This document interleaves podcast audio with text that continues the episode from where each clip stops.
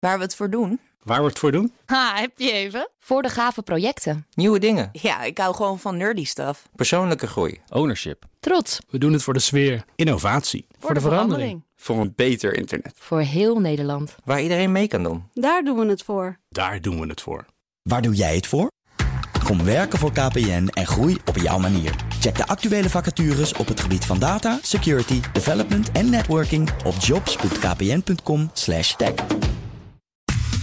Wetenschap vandaag. Onderzoekers hebben een nieuw nanodeeltje ontwikkeld waarmee het voor het eerst mogelijk wordt om cellen in de binnenwand van bloedvaten genetisch aan te passen.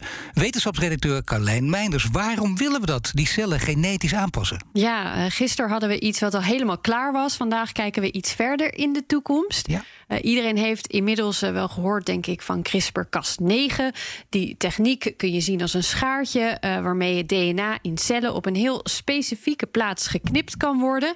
Deze truc is afgekeken van een bacterie en inmiddels gefine-tuned voor veel verschillende toepassingen.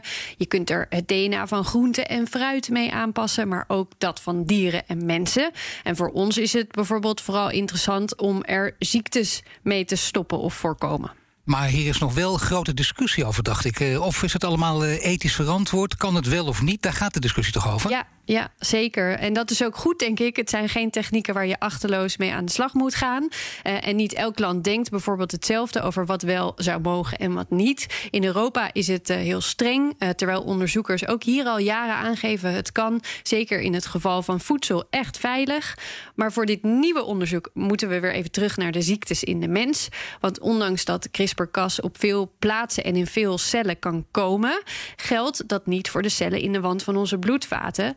Bij CRISPR-Cas wordt een uh, onschadelijk virus hè, gebruikt om de cellen binnen te kunnen komen. Maar dat werkt bij deze cellen niet. En hoe belangrijk is het dan om die cellen wel te kunnen bereiken? Nou, ze spelen een rol bij hart- en vaatziekten, bij uitzaaiing van kanker, maar ook bij ernstige ontstekingen en de gevolgen daarvan. Iets wat we bijvoorbeeld bij ernstige COVID zien.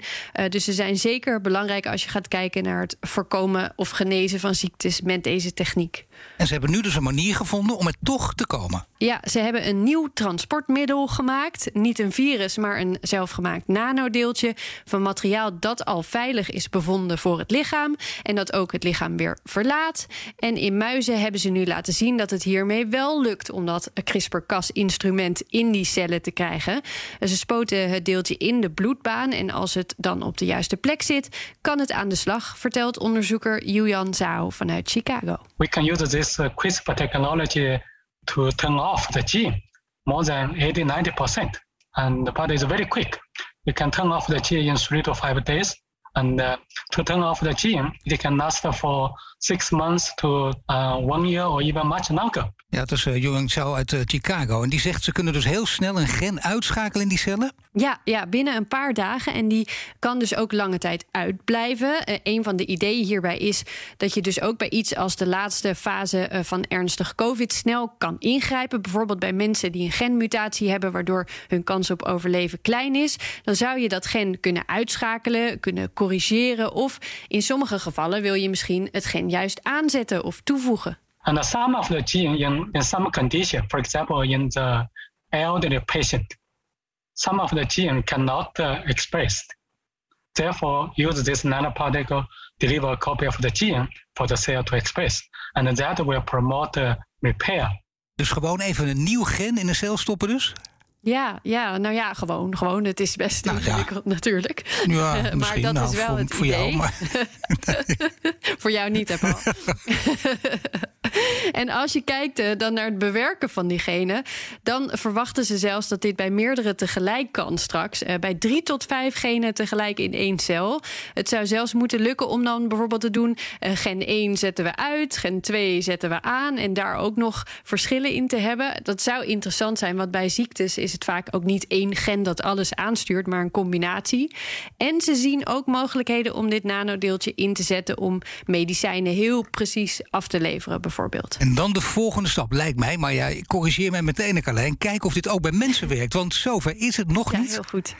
Nee, nee ik, heel goed bedacht. Uh, ik zei uh, al, dit is er inderdaad eentje die nog wat tijd nodig heeft.